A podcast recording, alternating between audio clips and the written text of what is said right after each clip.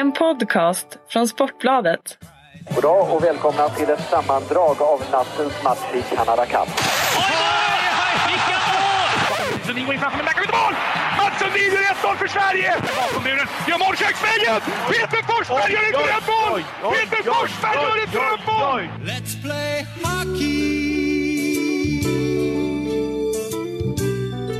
Niklas Kronvall, eh, född 12 januari 1981 i Viksjö i västra Stockholm. eh, Stjärna i Detroit Red Wings och given i Tre Kronor som ska spela World Cup. Välkommen till Värmen i podden. Tack så mycket. Vad har du gjort i sommar då? Du, ser inte allt för brunbränd ut. Du kanske inte har det pigmentet? Jag har två små barn, så det är inte så att man ligger och pressar nu för tiden. Eh, nej, men det har ju varit eh, tillbringa mycket tid med familjen såklart. Eh, försökt att hänga med grabbarna så mycket som möjligt. Ju, och du har gått från att vara, vara eh, eller du har i alla fall blivit en småbarnsförälder. Men när du får egen tid under sommaren, vad, vad gör du då för något? Vilar, tror jag. Vilar alltså? Sover alltså eller? Ja, ja, men det är inte så ofta som det blir just det där egen tid. Alltså egentiden nu, det är att få tillbringa tid med ungarna. Man försöker vara med dem så mycket som möjligt, för det kommer ju en dag sen i höst när det blir mycket resande. Eh, och inte för att man kan ta igen den tiden nu på sommaren, men det blir att man försöker göra det mesta av den stunden man har. Mm, men du bor ju somrarna i Stockholm och vad betyder Stockholm för dig? Stockholm för mig är världens bästa stad. Eh, Jag har väl kanske inte rest jättemycket och sett jättemycket fina andra städer, men Stockholm eh, med sånt här väder som vi har haft i sommar tycker jag är helt fantastiskt med allt vatten som finns. Och bara arkitektur och nu när man blir lite äldre går man och tittar på byggnader emellanåt. Jaha. Och tycker Går du på att, museum eh, också? Nej, så långt kan jag inte dra det än. Men jag tycker ändå att det, det är jäkla häftigt faktiskt hur fint vi har det. Eh, Det är lätt att man glömmer bort det, men det är först när man kommer hem. Vilken byggnad i. Stockholm tycker du är vackrast då? Som du verkar Ja, ha... nu, nu tror du drar det lite Okej. långt. Du har Nej, ingen, bara- du har ingen topp 100-ranking där? Nej, det kan jag inte säga. Men bara få, man knallar ut på Djurgården och så på väg tillbaka och ser Strandvägen in mot stan. Det är, fan, det är, det är fint alltså.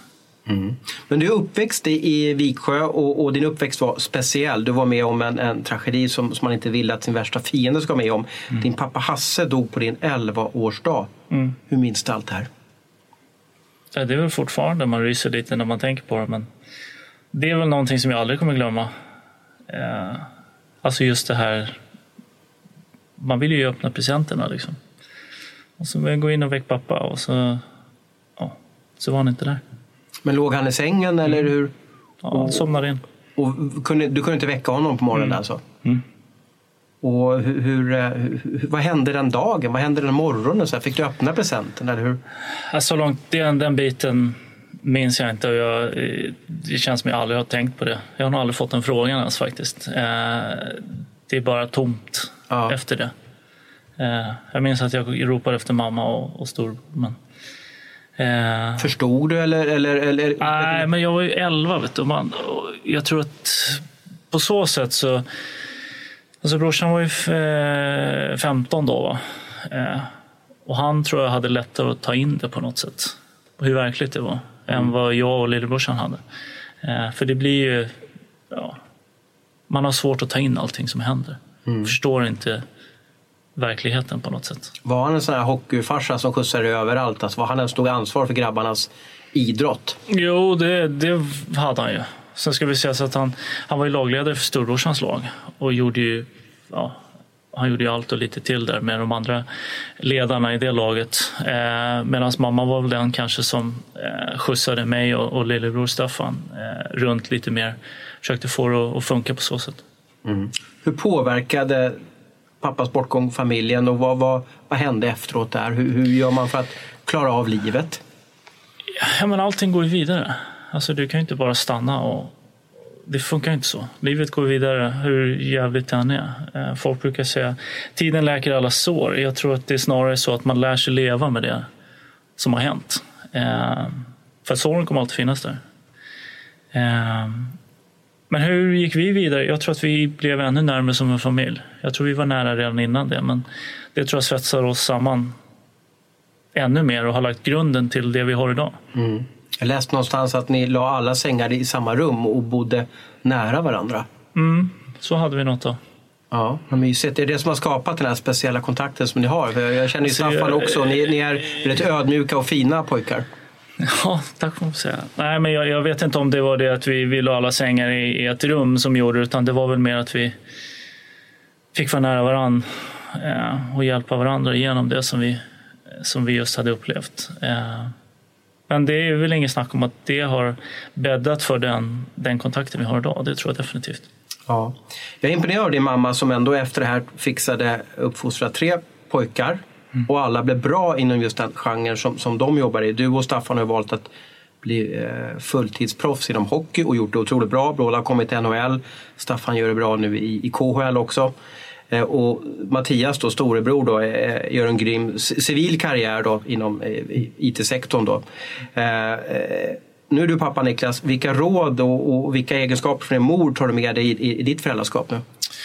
Ja, det är en bra fråga. Jag tror grabbarna är fortfarande så pass unga så att de har inte riktigt fått det där än. Men, eh, jag tror framförallt, mamma, jag kommer aldrig glömma, hon, hon sa väl alltid till oss att ge det inte.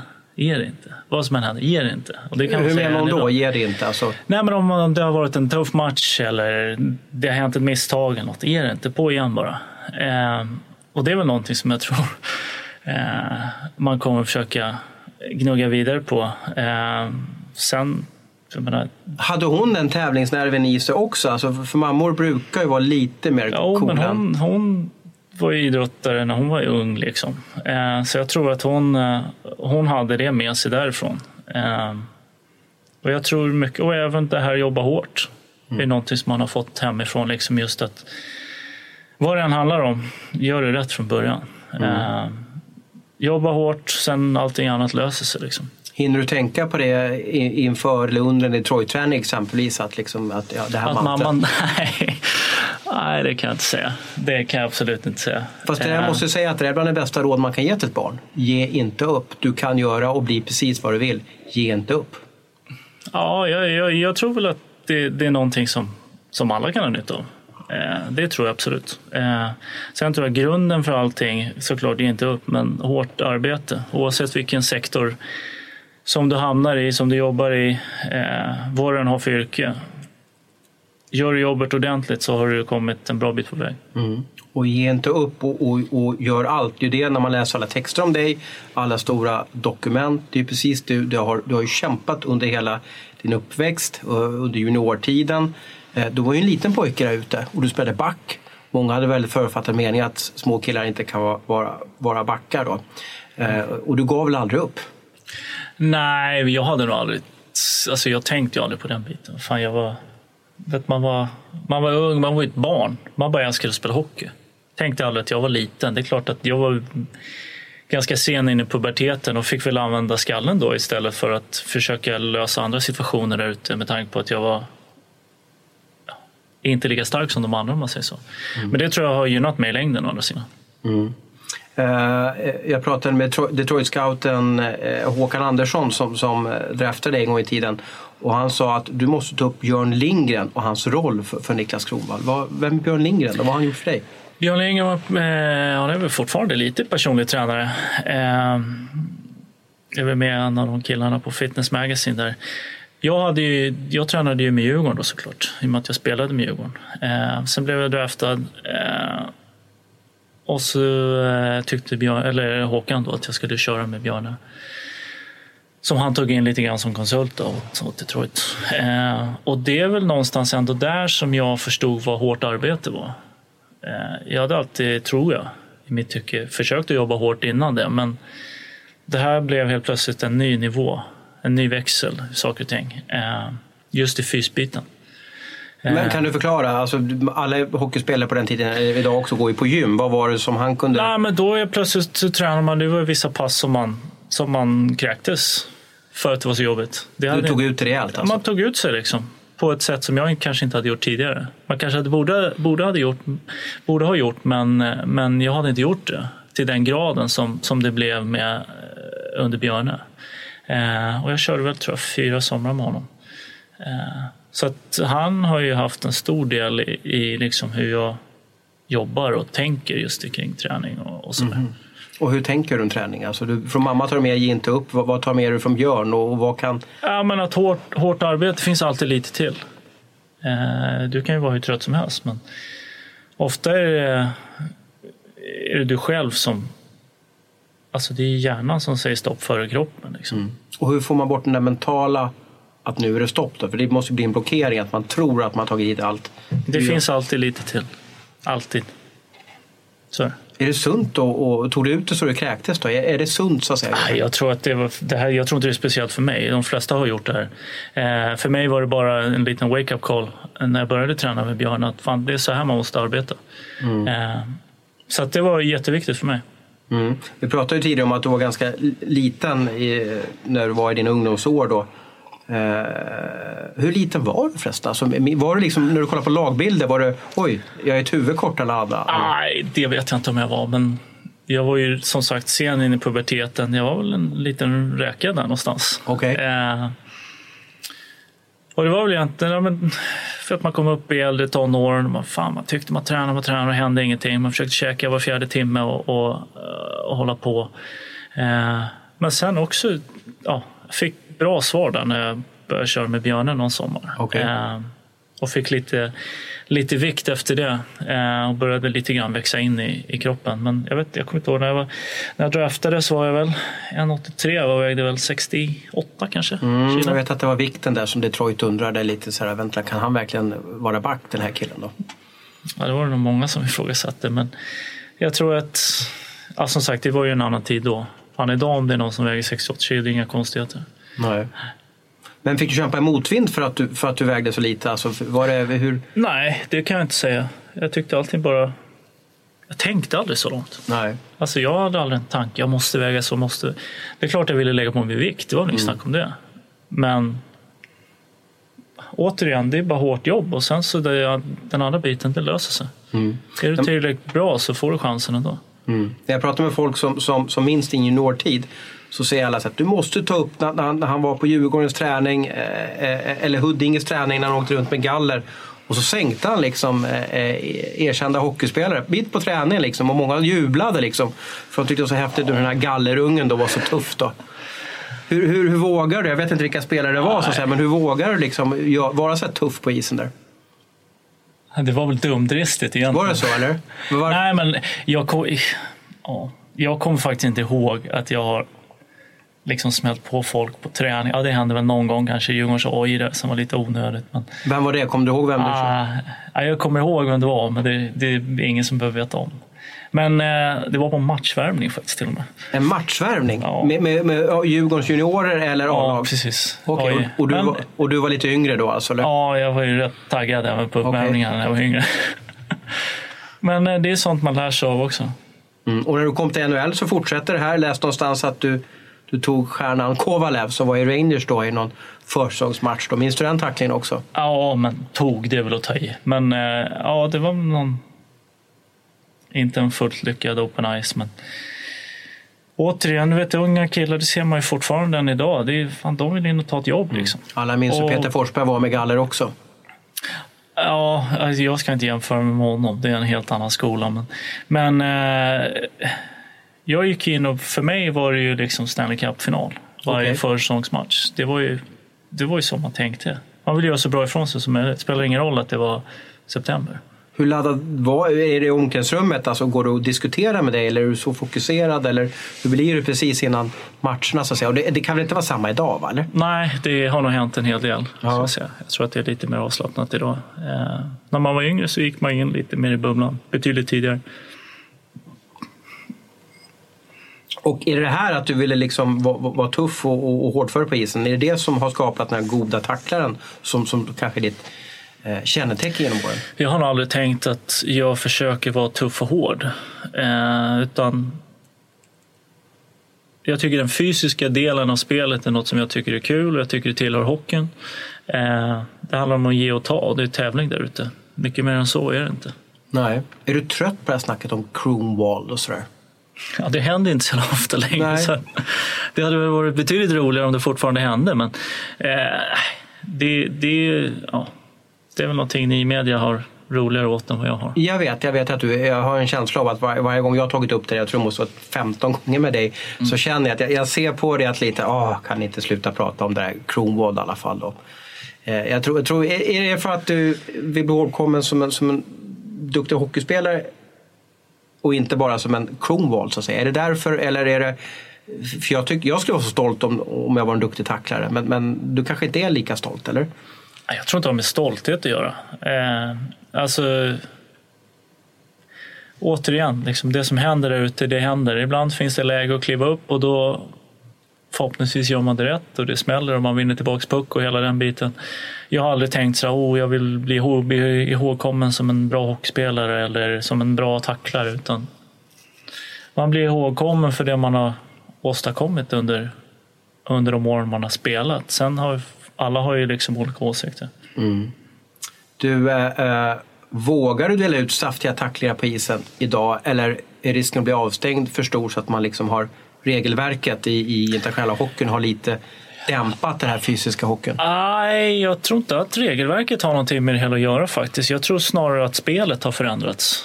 Hur menar du då? Eh, Det går, det går lite fortare. Eh, De här lägena som kanske fanns då dyker inte upp lika ofta längre. Eller så är jag bara långsammare i skallen. Men hur menar du att lägena, menar du att passningsspelet inte går på samma sätt då, eller hur? De lägena där jag har klivit upp är ju ofta i, i offensiv zon runt passningsfickan. Ja.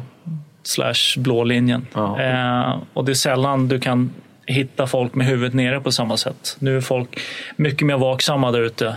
Eh, och man sätter sig inte i de situationerna längre som man gjorde för en tio år sedan. Kan det vara att de här så kallade sjukhuspassningarna har, har, har slutat Ja, komma? men det är det. det forward sätter sig inte i den sitsen och, och backarna som lägger de där passningarna gör det inte lika ofta längre. Och jag tror överlag, om du tittar på en säsong idag så är det färre sådana här stora tacklingar kontra vad det var för fem sex år sedan. Är det bra för hockeyn eh, eller är det dåligt för hockeyn? Jag tycker fortfarande den, den fysiska biten hör till. Jag tycker ju att det är kul när det smäller. Eh, det gör jag. Jag tycker den biten, det är lite synd att det inte är lika mycket längre. Mm. Kommer den tillbaka tror du? Eller, eller? Jo, men jag tror att det kommer gå i vågor faktiskt. Spännande. Du har varit i Detroits organisation i 13 år. Du har vunnit Stanley Cup och gjort 738 NHL-matcher hittills. Vad är du mest nöjd med under NHL-karriären? Om, om du sitter med, med, på en killparty med dina polare och så ska ta ut det här. Liksom, ah, det här är jag mest nöjd med. Mest nöjd? Eh, ja, Alltså det, det går ju inte att ta bort från när man fick vara med och vinna. Alltså den känslan är fortfarande om man tänker tillbaks. Det finns inte. Nej. Det, det, det finns inte. Du menar OS-guldet, Stanley Cupen och sådär då? Ja, Stanley Cup är speciellt på, den, på, den, på det sättet att du gnuggar, gnuggar, gnuggar. Du gör liksom det här jobbet med, inte bara spelare, men ledare, coacher, liksom hela organisationen, hela stad med fansen. Det är så mycket som ligger bakom och allting måste klaffa. Och få stå där på slutet, vinna sista matchen. Ja, jag tror att du kan fråga Bengan eller, eller, eller Hagge idag. Att liksom det, man vet inte hur man ska förklara det. Det är bara de Nej. som har varit där som kan förstå den här svävande känslan på något sätt. Och det är också, nu pratar vi NHL, med försäsongsmatcher och slutspel så kanske ni är uppe i 110-120 matcher. Det är en fantastiskt lång säsong. Alltså. Mm, det blir ju lite gnugg alltså. Så det är mycket, mycket tid som ligger bakom. Minns man när, när slutsignalen går eller är man bara någon typ av något, något euforiskt tillstånd så att man inte riktigt uppfattar saker och ting? Jag kan inte säga att jag minns slutsignalen. Eh, Jag minns inte vem jag fick bucklan av. Det är väl så alltså, man bara, man bara Nej. står på ett rus där alltså liksom. Då. Ja, det var ett rus. Jag kommer ihåg när jag satt i bilen på väg ner till... Vi skulle ha lagfoton några dagar senare. Det är sådana grejer jag kommer ihåg när jag satt helt själv och bara fan. Fan, det här är bra alltså. Ja, det jag fascineras över din karriär, eh, eh, många ser ju inte dig som liksom poängproducerande back. Men när man ser din statistik har snittat nästan 0,5 poäng per match. Och ändå spelade du inte första powerplay där, där Lidas liksom förmodligen var kung då. Eh, eh, Det är otroligt att du har gjort så här många poäng ändå i alla fall. Vad, vad, tycker du att du har fått den, den eh, igenkännande från fansen som, som du verkligen har gjort i statistiken? Jag har aldrig tänkt tanken om jag ska. Det är många dubbelass också Thomas. Ja, är det så alltså? Ge pucken till Ida så löser han det, eller? Ja, ett har varit Lidas. Nu för tiden har det varit Pavel och Henk. Så brukar det lösa sig. Ja. Men är du inte stolt över din poängproduktion? Tittar du på statistik? Är du, är du en hockeynörd som kollar statistik? Gå in på Nej. Elite Prospect och sådär? Nej, det gör jag verkligen inte. Du jag tror nog det, alltså? aldrig varit inne på den sidan faktiskt. Nähä. Eh, nej, jag... Nej, alltså den där För NHL så, ursäkta, men NHL så är de bombar ju med statistik. Man vet ju nästan alla som har storlek 41 i skor hur många assist gör de. Okej. Ja, nej, jag har aldrig... För mig, jag, jag tror på att gör du rätt där ute så löser andra sig med tiden. Liksom. Eh, det är klart att man vill hjälpa laget att vinna, det är inget snack om det. Och man vill ligga på en viss nivå liksom, när det gäller poängbiten. Jag tycker ju någonstans, spelar du 22-23 minuter, spelar powerplay, ja, då lär du ju ligga på halv poäng per match. Det, där, där tycker jag liksom någonstans att du ska ligga. Hur ser du på den gångna säsongen? Det, det var ju nära faktiskt att Detroit missade slutspel. Var en rätt frustrerande säsong eh, rakt igenom. Jag tyckte aldrig vi hittade eh, rätt flow så att säga rakt igenom. Eh, jag tyckte var, vi fick gnugga för varenda poäng. Och det var ovanligt i Detroit, alltså, som vi säger, som var ett, en maktfaktor. Det, Eller? jo, men det tycker jag. Eh, och det är klart att vi haft det tufft i, i perioder tidigare, men i år så tyckte jag någonstans att det var, det var liksom inte många sektioner av, av säsongen som kändes så här, fan nu flyter det. Varför blev det så? Då? Har du analyserat det efter säsongen? Eller? Jag tror man har analyserat det tills man blir grå i skallen. Okej. Alltså det, det är många bitar som, jag tror den, den största biten är ju, eh, tror jag, att vi hade för många som inte presterade på den nivån som man kan. Jag tycker ofta gånger som man har ett bra år, det är alltid killar som har career years, Okej. som man pratar lite grann om. Alltså just att de har sin bästa säsong som de har haft. Tittar man på vårt lag i år så tror jag att det är väldigt få som kan säga att fan, det här var min bästa säsong jag någonsin har haft. Frånsett Larkin vet jag inte om det är någon som känner sådär, fan i- år tuffare på bra. Men, men kan det inte vara också så, om jag kollar lite snabbt på Detroits laguppställning, att det är många spelare som kanske har passerat Zenit? Fast är det det? Jag vet inte, jag bara får en liten Jag känsla. förstår. Pavel och åkte Ja, hem. Absolut, Du och, och, och Henrik är eh, 35-34 år va? det köper jag. Men sen då? Ja, då får vi gå ner i depten där Alltså lite. det är där jag menar liksom att jag köper det du menar. Jag tror att vi kanske inte har samma studs i, i stegen längre som vi hade. Dock är vi det är tre gubbar. Sen resten är ju ändå ganska så prime time. Eh, så jag, jag tror bara överlag att i vanliga fall du har några som underpresterar, några som överpresterar, det väger upp. Du kan ändå få det här tåget och tuffa liksom. I år så var det för många som, som inte kom upp i, i nivå. Hur gör man det att inte hända nästa år då? Vad, vad ska ni göra? Eh, eller vad ska ske i Detroit för att ni blir den här stor, storklubben igen? Vi har ju en, en, en väg att vandra, det är inget snack om det. Eh, men jag tror man måste ha ännu högre krav på varandra. Men du ställer ju, jag vet ju, du är ju en ledare omklädningsrummet, du ställer ju enorma krav på dina lagkamrater. Vad kan du göra annorlunda för att de ska vara på tårna varje kväll? Då? Jag tror, jag tror mycket, alltså du lägger mycket grund på, på träningarna. Det måste bli bättre på träningarna. Det är där du lä- någonstans lägger grunden. Och då handlar det inte om att köra fullt, full fart på en övning utan det handlar mer om den strukturella biten.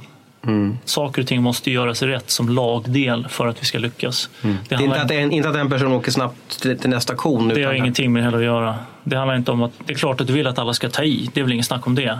Och det borde ligga där eh, automatiskt. Jag tror inte att det är där skon klämmer utan lite så strukturella ändringar och ställa högre krav i det strukturella spelet eh, tror jag kommer hjälpa oss mycket.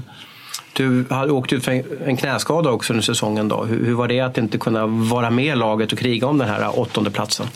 Det är alltid frustrerande när du inte får spela. Framförallt i den situationen som vi var i.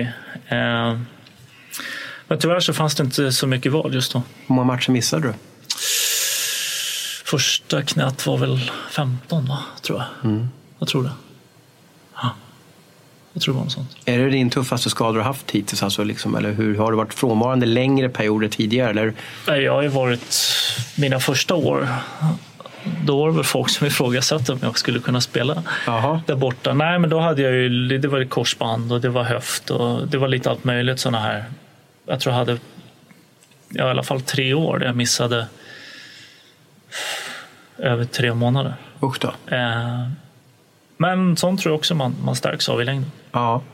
Eh, hur- hur sargar det din kropp då? Hur, hur, kan du göra allting som en, som en småbarnspappa kan göra idag med dina barn? Förstår du jag menar? Eller, eller, eller har Än du- så länge. För jag, jag umgås ju med Garpen och han kan ju inte, Garpenlöv då, som spelar många år i NHL och han Ja, Garpen är väl 65? eller? Ja, något sånt där. Han kan ju inte spela innebandy exempelvis. Det går inte va, på grund av höften och sådär. va. Så man märker de här gamla NHL-rävarna så att säga. Mm. Karriären sliter på kroppen. Ja, det tror jag. Men å andra sidan så det vore väl konstigt om det inte gjorde det. Ja. Eh, jag tror någonstans att det, det, det är inte så många du hittar som har gått igenom 15 plus säsonger i NHL och inte har några skavanker. Eh, det är klart att det tar på kroppen. Mm. Men det, här, det som du har problem med knät under säsongen då. Jag antar att du är helt ordningställd nu i alla fall. Då. Men är det något du måste tänka på eller måste vara noggrann med för att du inte ska få Mm. några nya knäproblem? Det blir ju en annan typ av träning. Eh, det kan man väl inte komma undan med. Att man får tänka och, och träna lite smartare istället för som tidigare var det bara kötta på. Eh, på samma sätt som de yngre killarna gör. Men nu får man tänka lite grann mer innan man gör något. Är du samma Niklas Kronwall på isen då med, med tanke på att du inte kan köra samma fys riktigt och att du kanske också må, måste vara smartare ute så att säga? Liksom. Ja, det återstår att se. Ja. Det återstår att se. Jag har inte gått på isen. Men, eh, nej, men det, det tror jag inte ska vara något problem. Nej, det är bra. Vi behöver en härlig Niklas Kronwall i World Cup. Och du var ju given i den här första preliminära truppen, eller första vad man kalla för, nettotruppen som togs ut. Eh, eh, där bland annat eh, Ekholm inte fick någon plats på backsidan och John Klingberg inte fick någon plats på backsidan, eller Hampus Lindholm. Och då tyckte en del experter att det var konstigt, varför tog de ut Niklas Kronwall? Hur kändes det? Jag har full förståelse för det. Det behöver inte vara någon, Varför har du förståelse för det? För du har ju varit med så många år, du har varit given så många år. Du står för en detalj i spelet, fysiskt spel, som är viktigt, som vi kanske inte har i våra andra väldigt eh, spelskickliga backar. Ja, jag hör vad du säger. Samtidigt så... Eh, jag hade inte blivit överraskad om jag var lämnad utanför den här. Hur fick du veta att du var uttagen och sådär? Och, och hur gick det allt till? till? Eh, Grönborg var i stan. Han var i Detroit eh, ett par veckor före. Tror jag att det var. Någon vecka före kanske. Eh, så vi fick höra det från, från Rickard. Eh, nej men fan, Sverige har många, många riktigt bra backar just nu. Många yngre killar som har tagit för sig. Eh, och tagit otroliga steg där borta. Men bara de killarna som du nämnde, det är ju bara en tidsfråga innan de får det riktiga erkännandet. För det, Samtidigt så bygger man ett lag, eller hur? Det är inte... Absolut, absolut. Eh, och, och det är väl kanske en av anledningarna varför jag är med. Eh, Så att, eh, Berättade Rickard vad han vill att du ska ta med dig till bordet? inte sådär fullt ut eller rakt ut. Jag tror inte att, igen, Ever catch yourself eating the same flavorless dinner three days in a row? Dreaming of something better? Well, HelloFresh is your guilt-free dream come true, baby. It's me, Kiki Palmer. Let's wake up those taste buds with hot, juicy pecan-crusted chicken or garlic butter shrimp scampi. Mm. Hello Fresh. Stop dreaming of all the delicious possibilities and dig in at HelloFresh.com. Let's get this dinner party started.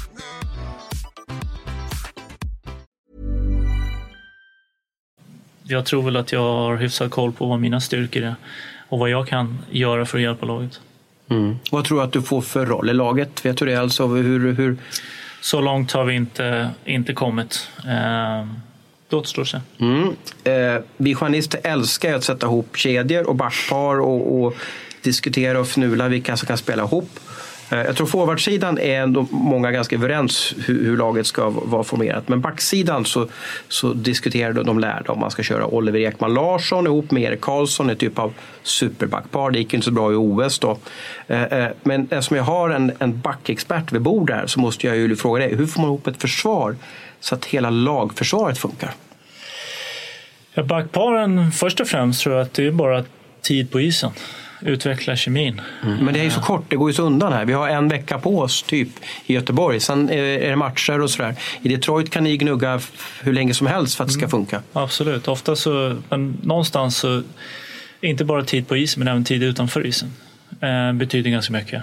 Man lär känna varandra. Eh, eh, och den, jag menar, visst, vi har en vecka i Göteborg, men sen har du några dagar i Washington också.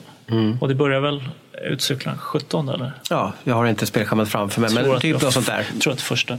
Jag menar, då har vi ändå två veckor på oss eh, att försöka sätta de här lagdelarna. Mm. Eh, så att det, jag tror säkert att det kommer bli lite laborerande, men samtidigt så tror jag att ju mer tid man spenderar tillsammans, desto bättre kommer det bli. Mm.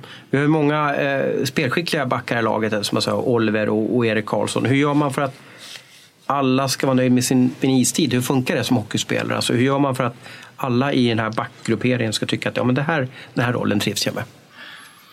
Jag tror inte att det kommer vara något problem faktiskt. Någonstans är det ändå, alltså det är ingen social verksamhet vi, vi pratar om. Nu pratar vi World Cup, de bästa spelarna ska spela mest och sen så går rangordningen neråt.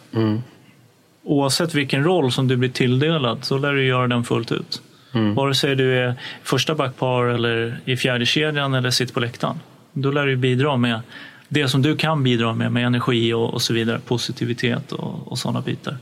Eh, och den, tror jag, den biten, vi kan inte ha folk som går runt och klagar för att de inte får spela tillräckligt. Men det har vi inte i det här. Jag vet att har varit ganska noga med att alla ska vara ganska positiva individer i det här laget. Ja, och, och jag menar, så titta tillbaka. Svenska modellen, det finns inte sånt. Jag tror säkert i andra lag eh, att det finns, men bland svenskar, det, det, man rättar in sig i led och tar den roll man får och gör den fullt ut. Mm. Det låter bra. Och eh, du har ju en sån otrolig erfarenhet, varit med i Tre Kronor sedan 2003 och du har sett många lyckliga eh, hockeyframgångar, bland annat OS-guldet 2006 och, och OS senast får vi säga var, var lyckosamt fram till finalen. Då. Det var otroligt att vi fick spela en OS-final. Men sen har du varit med om mästerskap där det inte gått lika bra som ett hemma-VM för, för, för fyra år sedan. Vad är det som krävs för den här resan som ni gör för att mästerskapet ska gå bra? Tittar man historiskt sett så har väl Sverige någonstans ändå det ska gärna gå lite knackigt i början. Okej, man ska ta en torsk först liksom? Eller Nej, jag säger inte att eller? man ska ta en torsk, men det behöver inte vara kling och klang och jubelspel. Det, på så sätt tyckte jag var lite grann i... eh, alltså det gick ju i VM där du pratade om när vi torskade kvarten mot tjeckerna. Det gick ju... Frånsett ryssmatchen så gick ju allting så jäkla enkelt. Och jag vet att ni journalister ser ju gärna att vi spöar Kazakstan och de här lagen med jättestora siffror och blir jättefina mål och, och hela den biten. För oss, det handlar om att vinna matchen. Om att försöka liksom sätta detaljerna i spelet. Eh, och ibland kan det ju se mindre bra ut. Jag menar, titta OS i Sochi. Det, var väl, det är väl få som kan tycka och säga att fan vad bra ni var. Så vi lyckades, vi hittade en väg att vinna. Och I slutändan så är det det som betyder något. Men hade vi åkt ut, hade vi spelat drömhockey. Men titta, vad var det, OS 2002, Lake Placid. Man slår Kanada i första matchen, 5-1 eller vad det blev. Det var ju liksom, fan nu jävlar ser det bra ut. Man får Vitryssland i kvarten och åker hem. Det är ingen som pratar om de första tre matcherna när allting såg så jäkla bra ut. Nej. Det handlar om att vinna matcherna till vilket pris som helst. Sen ibland kommer det se bra ut, ibland kommer det se mindre bra ut. Men vad är det som i slutändan betyder någonting? Det betyder att du vinner matchen. Vad ska man titta på då som journalist som är liksom lite grunden i, i, i det här, liksom, det som måste funka under en match? Då? Vad, vad, är, det, är det uppspelen eller är det hur, hur backarna rör sig mot varandra? Eller vad, vad är det som är viktigt så att säga, om du utbildar mig lite här? Kommer vi så långt? Ja. Eh, nej, men jag, jag, det viktigaste är att du vinner matchen. Mm. Sen, det, det är gånger som det kommer vara matcher där det ser för jävligt ut. Men i slutändan, har du vunnit matchen? Check. Bra. Sen får man ta tag i alla detaljerna. Vad är det som inte funkar? Varför funkar det inte? Hur går vi väg- till vi- tillväga för att lösa de här grejerna? Hur kan vi göra det här bättre? Eh, och det är ju inte bara tränaren. Det är klart att tränarens huvuduppgift liksom lite grann att ta tag i den biten. Men i, i samma veva så spelarna funderar ju på det här också. För man vill ju att saker och ting ska funka. Allting måste kugga i för att det ska bli bra till slut. Mm. Intressant. Tack för informationen och utbildningen där Niklas.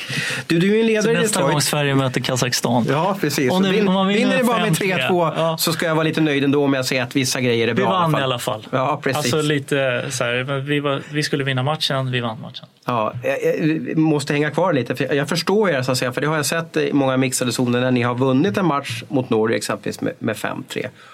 Och så får man negativa frågor från, media. Och jag, jag ser hur det är i ansiktet på er. Liksom, för ni är så uppumpade efter matchen och har vunnit. Ni kan inte förstå hur, hur, hur folk runt omkring kan vara negativa just då. Jo, men det, det, det, jag kan förstå det. Jag har full förståelse för det. Och det, ni är journalister, ni sköter den sidan och ni ska rapportera om matchen. Jag har full förståelse för att man ifrågasätter saker och ting när det kanske inte ser jättebra ut. Alltså det är en del av ert jobb, en del av ert yrke och det vet vi om. Eh, samtidigt för oss handlar det om att vinna matchen. Vi har ju allt att förlora egentligen när du möter ett sånt lag. Du har egentligen allt att förlora. Du ska bara gå ut och gärna vinna med 7-2. Ja, och de backar hem och man får inga ytor och så vidare. Så det är tufft Alltså, att det, spela mot. Det, det blir svårare och svårare för varje år. För de andra lagen blir bättre och bättre strukturellt. Man backar hem och så får man någon chans och så smäller det. Liksom. Ja, och så försöker man ligga på, ligga på, ligga på, måste hitta någonting och det som en tärning liksom i deras zon. Svårt Mm. att få till något spel riktigt för att de spelar på ett visst sätt.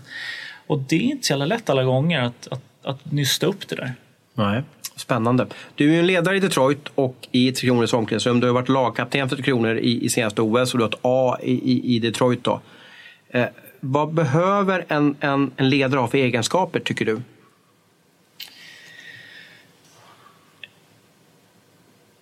Jag tycker att en ledare ska alltid föregå med gott exempel.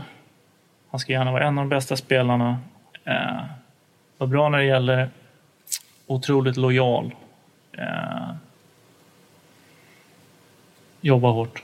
Det är många, många bitar. Föregå med gott exempel. Hur, hur menar du då, så att säga? Inte bara på isen. Man har en dialog med domaren till exempel, eller när det gäller mot fansen, när det gäller med media.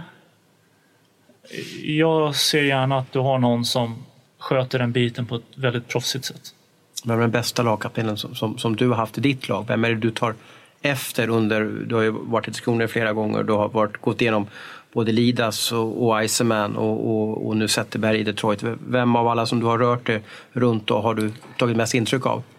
Eh, jag har nog lärt mig lite av varje skulle jag säga. Eh, tagit intryck och tagit in lite av varje. Men den bästa, ja, Stevie var ju... Han var bra. Eh, när Sudden var i Tre Kronor, det var ju också... Nej, pondus alltså. Eh, Lidas var ju bäst varenda match. Eh, även liksom i omklädningsrummet och du vet hur han tränar, hur han var mot media och fans och så vidare. Eh, men ja, Z är där uppe alltså. Jag tycker alltid att han är en captain. Hur, hur viktig är en, en lagkapten i omklädningsrummet? Vi vet ju att en lagkapten ska prata med domaren.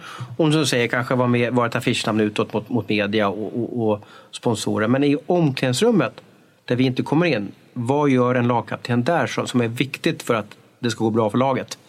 Han är den som ryter till när det behöver rytas till. Eh, han gör det rätt varje dag skulle jag säga. Alltså det Skillnaden tror jag lite grann med, med de här killarna som kommer upp och första året och allting bara flyter, flyter, flyter till att göra det här varje dag. År ut, år in. Träning. Det handlar inte bara om att göra det på isen utan du ska träna, du ska fysa, du ska sköta om din kropp, du ska äta, du ska sova. Det är så många bitar som måste göras rätt.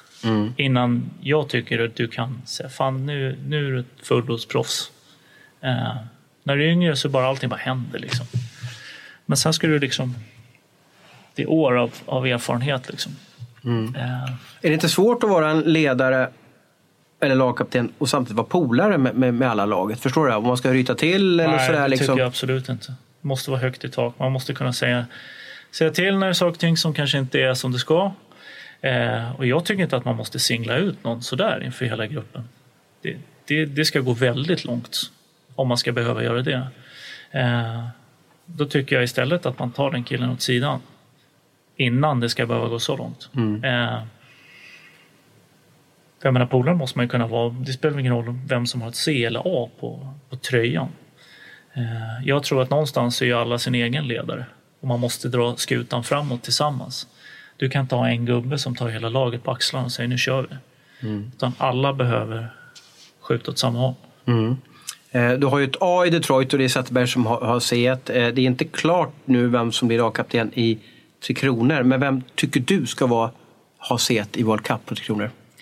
Det var mitt val. Det är, för mig är det ganska enkelt. Det är bara en som, som jag tycker, för mig, i och med att jag får se Z varje dag. Så för mig är det väldigt enkelt. Vad gör han så oerhört bra så att gruppen blir starkare och bättre?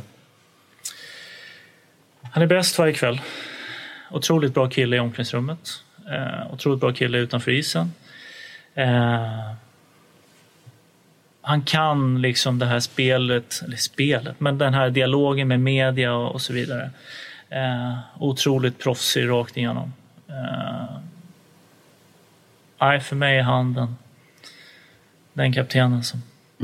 Nu är det ju Rickard Grönborg, Popovic och Garpenlöv som förmodligen utser lagkapten och förmodligen via en dialog med kanske några spelare. Eh, spelarrådet då. Jag finner det lite intressant att vi har så många lagkaptener i laget. Vi har ju alltså Sedin, Landeskog, eh, kanske tappar någon nu så att säga, men sen har vi Ahn på, på Kronvall, på, på Oliver eh, Eh, och säker på någonting. Det vimlar ju av liksom potentiella. Liksom. Är det här ett viktigt val man gör, vem som blir lagkapten? Är det, är det viktigt för, om laget ska gå bra eller inte? Jo, alltså det tror jag absolut. Å andra sidan så tror jag att de som inte får C eller A de som får det ska jag säga är ju såklart otroligt stolta. De som inte får det tror inte jag går och grämer sig för det. Utan de kommer inte vara någon annan i omklädningsrummet ändå. Förhoppningsvis så tar de med sig det som har gjort att de har A i sina klubblag eller C i sina klubblag. Ta med samma bit. Bara för att du har ett, inte har ett C på, på tröjan betyder inte att du är mindre värdefull i ett annat lag. Utan ta med dig det som har gjort att du har förtjänat det här. Mm. Jag läste någonstans att Alexander Sten eh, har ju inte C till St. Louis men han kanske är den informella ledaren så att säga. Så det är inte helt klart heller att man... Han kommer säkert få det nu. Det skulle inte förvåna mig överhuvudtaget i, i St. Louis nu när Backes har försvunnit. Mm. Vi får se vad som händer. Och vi får hoppas att Alexander tillfrisknar också. Vi behöver ju honom. Den här tuffheten han står för och härliga skottet i alla fall. Eh, Jag har ju två fasta moment i den här podden som vi gör inför World Cup. Det är lite snabba frågor och, och du får inte svara fem minuters svar utan det ska vara lite kort och koncist. Det ska vara en kronval direkt kan man säga där då. Eh, Och sen ska du få möjligheten att eh, avrunda det här med att ställa eh, mig mot väggen. Då, ställa någon typ av fråga som tycker att nu ska jag igen på den där jävla rosen som varit jobbig i 15 år mot mig i alla fall. Men vi börjar med snabba frågor. Kommer du spela i SHL i framtiden? Förmodligen inte. Och jag måste ställa en frå- fråga, varför inte då? Eh, jag tror väl att den dagen som jag är att det inte funkar längre i NHL av olika anledningar. Att eh, ja, kroppen och motivationen eh, kanske inte är där den ska. Ja, det, det är en mer, man ser den tendensen mer och mer tydligt nu att de har väldigt många år i NHL inte orkar ladda om i SHL och det är bara Ja, att respektera. Det handlar väl lite grann om alltså, vart man är någonstans i, i sin karriär och åldern man är i eh, och vilken typ av karriär man har haft. Eh, sen ska jag väl också säga, alltså, är det någon klubb som... Det finns ju bara en klubb som skulle funka om det var så att man kom hem. Mm. Så är det. Du tänker på AIK? Ja, eller hur? Jag förstår vad du menar. Du är en stor djurgårdare eh, och vi får se i framtiden. Det vore kul om det var i SHL. Men jag förstår också att det kan vara oerhört svårt att ladda om när man kommer till ålderns höst. När det kontraktet går ut med Detroit, det är Jag har tre år kvar. tre år kvar, ja. då är du 38 va? Mm. Ja, vi får se. Hoppas du får många år framför i alla fall. Eh, vem är svårast i NHL att tackla? Ja, det finns många. Eh, Kane är otroligt svår att få tag i. Okej. Lite hal alltså då liksom? Eller? Hal, smart, eh, sätter sig aldrig i de tuffa lägena. Mm, så är jobbigt för er, för ni möter ju Chicago oftare i alla fall. Och det är lite, lite rivalmöte fortfarande i alla fall då. Ja, fast nu är det bara en, ja, vi har en hemma och en borta varje år. Just det, ni har, ju på östra ni sidan. har så flyttat att, eh, Förut så var det ju alltid det klassiska Chicago-mötena. Ja, där. Men det kanske är skönt att slippa möta honom i alla fall. Då. Eller vill man, att, för att han är en sån duktig spelare, markera att du, du möter Detroit? jag tror att det är mer, alltså de matcherna som vi har mot Chicago är oftast, oftast otroligt bra matcher. Eh, tajta, mycket närkamper. Eh, Chicago är ju ett av de bästa lagen varje år. Så man vill någonstans mäta sig och det är ju speciella möten med Chicago. Det har det alltid varit, i alla fall för mig, de, sen jag kom in i ligan. Min sista fråga här eh, är jag lite missnöjd med för det är så här fråga som jag vet vad du kommer svara på redan. Men, men jag tar med den i alla fall och så får vi se vad diskussionen leder. Tar Tre Kronor sig till slutspel i World Cup? Vad vill du att jag ska svara Du på? kom, det? jag vill, jag helst, och, eh, den bästa rubriken har varit om du säger nej då så att säga. Men jag, jag tror att du kommer svara ja. Ja, det säger sig självt. ja och, och vilka lag i den här gruppen då så att säga? Vi har ju Sverige, eh, Finland, Ryssland eh, och sen har vi Nordamerikalaget där. Vilka är tuffast tror du så att säga? Liksom då? Eller vilka, vilka tror du blir bäst av de här lagen? Vilket lag av dem tror jag blir bäst? Vilka blir konkurrent om att tampas som första och andra platsen? Eller ni vill inte komma trea då så att säga. Men, men är, det, är du rädd, mer rädd för Finland eller, eller för Ryssland? Finland har någonting väldigt speciellt på gång. Eh, många yngre, otroligt skickliga hockeyspelare som jag vet inte om kanske gemene man här hemma vet om än. Alltså typ Barkov har ju haft en jäkla utveckling. Eh, till exempel. Så de, eh, och de får alltid till lagdelar när det gäller sådana här turneringar. Den strukturella biten är otroligt eh, viktig när det gäller sådana här korta turneringar. Och en mix mellan ungt och gammalt också som kan vara lite spännande effekt också. Verkligen. Nej, de, eh, de har ett bra lag. Och ryssarna då? Ryssarna är väldigt oberäkneliga. Eh, Som så- man sagt i alla tider. Inte Ja, igen det, och det, det är samma sak nu. Alltså, eh, ryssarna, när de får saker och ting att stämma, då är det inte lätt att, att tas med dem. Eh, sen är det som är lite... Ryssarna i fatet, de brukar ju ha många individualister. Eh, och vi pratade lite grann tidigare om det här med istid och att alla ska vara nöjda och den biten. Jag tror att de kanske har haft, tidigare i alla fall, lite större problem med, med den biten och sådana typer av frågor än vad vi har haft i Sverige. Och jag minns ju Sochi hur det gick när de gick på pumpen mot, mot, mot eh, eh, ganska tidigt i slutspelet i alla fall. Och hur frustrerade de var efteråt i alla fall. Tror, det var inte många spelare som stannade i mixade zonen efter den matchen. Nej, och det förstår man ju. Sen ska ju sägas just i Sochi också, vet, de hade en jäkla press på sig. Eh, ja, det är inte lätt att leva med, den, med det trycket på axlarna. Nej. Är det större tryck tror du i Ryssland än, än i Sverige? Alltså, eller hur? De känns lite skyddade i en bubbla men de kanske har skydd, eller tryck från, från myndigheter eller vad, vad som helst kanske. Då, så att säga, från det. Otroligt extrema förväntningar. Eh, Har du fått det via Datsuk? Alltså, har han berättat hur det kan vara? Eller? Nej, det kan jag inte påstå. Utan det här är ju mer på det sättet man upplever det runt omkring. Men de skulle ju vinna OS-guld. Mm, på hemmaplan ja, och, och de har gjort allting. Punkt. Perfekta, eh, Ja. Det perfekta mästerskapet kan man säga i alla fall. Då. Förresten, sak, Datsuk, hur kommer du sakna honom? Jättemycket. Jättemycket, dagligen. Alltså, inte bara som spelare, men även som kille i omklädningsrummet. Det var en god bit faktiskt. Ja. Tycker att han gör rätt val att åka hem eller, eller vad, vad har du för tankar om det? Jag tycker någonstans sådär att när, han, när hjärtat inte finns kvar, då tror inte jag vi hade tjänat på att han skulle vara kvar om han hela tiden är mentalt någon annanstans. Eh, hade jag sett att han stannat, ja det är klart, det är en av världens bästa spelare. Vad lärde du om honom med, med klubbteknik och, och sådär? Alltså man, man har sett de här Datsuk highlights på Youtube, man älskar ju att kolla in dem. Och så ryser man när man, när man liksom, hans Ja, spindelarmar helt- rör sig framför målvakten där.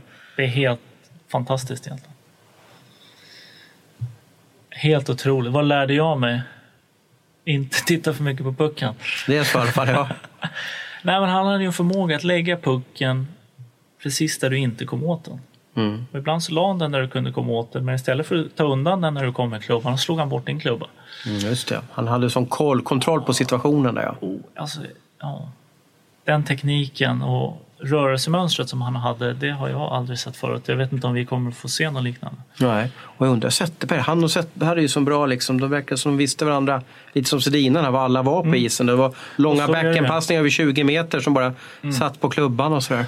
Ja, det finns ju en anledning att de kallades för Eurotwins där borta. Mm. Hoppas vi kommer fram till någon, eh, någon, någon ny kille i Detroit som kan hjälpa Henrik den nästa säsong i alla fall och bli lika bra. Bra jobbat Niklas, snygg insats. Du är fem plus på isen och du är fem plus att ha att göra med eh, i form av våra, våra journalist. Men nu, jag ska ge ljudet till dig en stund. Har du någonting som du vill fråga mig? Och du vill inte så här töntig fråga, vad är din favoritfärg någonting? Utan liksom, låt mig svettas lite. Ja, vad ska jag fråga då? Eh, jag skulle höra om du har någon lösning på arenaproblemet i Stockholm. Menar du eh, hockeysituationen? Hockeysituationen, precis. Jag menar, Djurgårdens förutsättningar är inte samma som de andra klubbarna ute i landet. Jag, jag ser inte att det är orättvist, men jag skulle gärna se att det kommer en, en hockeyarena, precis som det har kommit två nya fotbollsarenor.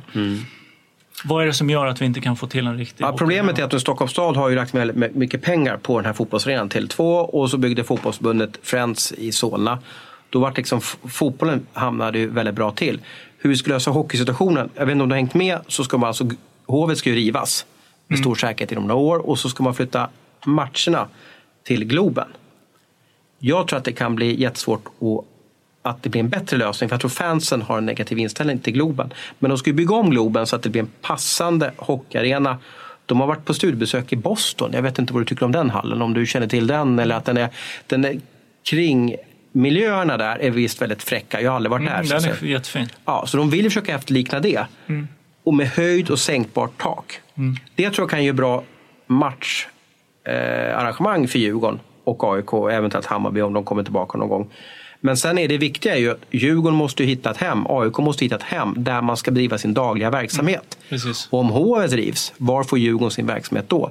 Där tror jag att, att, att Djurgården, AIK har jag lite på Ritorp i alla fall, men Djurgården får inte vika ner sig mot Stockholms stad. Att nu river vi Hovet, se till så att vi har en bra anläggning att, eh, att, att, eh, att, att, ha verksamhet på. Problemet i Stockholms stad så finns det ju ingen en ledig yta där man kan bygga en träningsarena. Så jag tror att Djurgården får satsa på, vi måste hitta ett näste. Var är vårt Djurgårdsnäste någonstans? Om det är på någonstans ut mot Lidingö eller Östermalm. Alltså, man behöver ju hjälp från Stockholms stad. Ja, men nu tycker ju Stockholms stad, de säljer ju lägenheten och river hovet och så förändrar de Globen till att bli en fräck matcharena. Men det hjälper ju det hjälper ju Djurgården vid matcher om de får fansen dit och det, det är bra tryck och så vidare. Men de måste ju hitta ett, ett Djurgårdshem, lite som AIK har på Ritorp. Eh, och, och det kanske är att, okej, du har varit ute i Mälarhöjden och kollat på den hallen. Gör om det här, bygg tre isytor här. Det finns säkert en fotbollsplan bredvid. Det finns så mycket fotbollsplaner i Sverige. Eh, Jag är själv lagledare för ett flicklag i fotboll så att jag, förlåt mig. Men, men riv den här konstgräsplanen här och bygg en, en Djurgårdsanläggning med tre isytor och kansliet kan flytta dit och få lite Djurgårdshem. Det är nära från, från E4, lätt att stanna där och sådär. Så, att, så är med min lösning. Eh, se till så att eh, myren, visst kallas det för det? Myren, ja, myren förändras till ett Djurgårdshem där de har ja, vi säger tre is- isytor, fr- fräckt gym och så vidare. Va? Jag vet inte om du har varit runt, har du sett HV71 hur de har det? Någonting sånt där eller? Jag har bara sett korta videoklipp Ja. på hur andra klubbar har och det är helt fantastiskt vilka förutsättningar som finns. Ja. Eh, och jag skulle gärna se att Djurgården fick samma möjlighet. För idag så är det så att ungarna som kommer upp ska börja hockeygym. De åker ut i landet. Det Mm. finns bättre förutsättningar. Som stockholmare, jag ser gärna att de killarna ska spela Djurgården. Det ska, Djurgården ska Eller i alla fall stanna i. Stockholm på något sätt i alla fall. va? Du, en följdfråga till dig, jag måste bolla tillbaka. För jag vet att du har varit engagerad i det här projektet Hockey för alla som Mats Sundin och Anders Hedberg har dragit igång. Vad händer där? Blir det någon så här, som bonus ska åka runt och spola? Eller har det dött Det är tanken. Jag vet inte exakt var man står just nu. Eh, men planen är ju att du ska ha en, en, en modifierad rollbar då, som åker runt och spelar upp, eh, spolar upp Mm. eh, uteisar för att få det här. Ja, men jag började när jag åkte skridskor när jag var liten. Var, då spolade de upp fotbollsplanen runt hörnet. Mm. Och det var där man åkte och latchade och hade kul och, och så vidare. Mm. Det behöver inte vara så organiserat alltid. Nej. Och när, när ser du ett hockeymål på en garageuppfart senast? De har ju försvunnit bort. Jag, jag är 71 och du är 81, lite olika generationer. Men jag minns ju att det stod hockeymål överallt. Idag har de försvunnit bort. Man säger ett innebandymål kanske, men, men den här landhockeyn och spontanhockeyn, den har tyvärr försvunnit. Och det gör mig orolig. Precis, det är för organiserat idag. Ja. Eh, och sen vet inte jag exakt om det är så att idag att man kanske har, och nu är det bara jag som, som tänker som sagt, jag vet inte fakta på det här, men har man fler träningar idag kontra vad man hade för 20 år sedan? Jag tänker för 10-åringar till Ja, exempel. jag tror det. Jag tror att det, det pressas upp och vrids upp för varje år som går, tyvärr i alla fall. Och då blir det ju att, vad är det som tas bort? För du, ger du mer tid på is och ner på rinken, ja, då är har du mindre tid att göra de här spontangrejerna. Mm. Glädjen försvinner också lite för att man har fått ut sitt hockey, eh, alltså energi på de här träningarna. Och det är kanske bättre att stå och laja med polan på den lilla isen i alla fall. Då, liksom. Men vad kan du göra? Kan du bygga någon så här Niklas Kronwall eh, jag vet inte, ja. du, har ju, du är engagerad i Järfälla Viksjö där vet jag och, med, och du har ju dina Kronwall All Stars där varje år i Järfälla. Mm. Men kan du göra något annat? Har du någon så här, när jag har slutat spela hockey, att ja, men det här skulle jag vilja göra med Stockholmshockeyn? Jag har inte tänkt så långt, men det är klart att alltså, intresset får inte dö. Liksom. Nej. Man vill ju att det ska liksom trappas upp. Det ska komma nya Zetterberg, det ska komma nya Kronwall. Liksom. Ja, men alltså lite, lite åt det hållet. Och jag tror i och för sig att alltså, klubbarna gör så gott de kan, men de behöver bättre förutsättningar. Mm. Klubbarna, idag, ishallarna i Stockholm idag, när var det senast de renoverades till exempel? Jättelänge. När kom det en ny ishall i, när i kom det Stockholm? en ny ishall? Det här får vi nästan ta en egen podd om. Jag tror det här, Nej, det här jag är väldigt att ni, intressant. hade, ju- ni körde ju någon debatt här för, var det förra året, eller Ja. med Stockholms stad också, Ja. var mer representerade. Men, alltså, det är klart att det är bra att det kommer upp till ytan när man pratar om det, men fan det måste ju hända någonting. Mm. Men vad är det som gör dig orolig för Stockholmshockeyn då? Vad är det som du tänker? Ser du något? För vi, ändå, vi har ju fortfarande hyfsat med stockholmare i World Cup-laget. Eh, Absolut. och vi Absolut. fostrar ju hyfsade hockeyspelare. Men vad är det för något som gör att du tycker att någonting är på gång? Jag vet inte om det är så att, att det, det kommer färre hockeyspelare. Jag vet, hur många hockeyspelare finns det idag licensierade i Stockholm kontra för 20 år sedan? Mm. Där vet jag inte om det finns någon, någon skillnad. Men, Jag, tror, jag, tror, jag har kollat på det. Eh, vad ska man säga? Pojkhockeyspelare och manliga hockeyspelare sjunker. Ja. Det som ökar är på flicksidan. Då, så att säga. Så att då är det totalet är väl jämnt. Men om vi ska Mm. fokusera på, på, på pojkhockeyn och herrhockeyn så dippar det ju så att säga. Liksom. och att, att tjejhockeyn går bra, det är ju tack vare Danny och Nisse. Ja, tror jag. de har gjort ett jättejobb. Har de gjort. Alltså Nu, det är det på, nu har de varit med väldigt liten tid men, men, men de har gett väldigt mycket ljust till, till de har damhockeyn. lyckats göra ganska mycket, Mm. eh, får jag känslan för, som är liksom på utsidan. Men de har ju någonstans ändå dragit igång ett intresse. Eh, tror jag, väckt ett intresse som kanske inte har funnits på samma sätt tidigare. Eh, men jag menar att, att pojkhockeyn blir lite liksom sämre, det, det tycker jag ändå någonstans är lite oroväckande.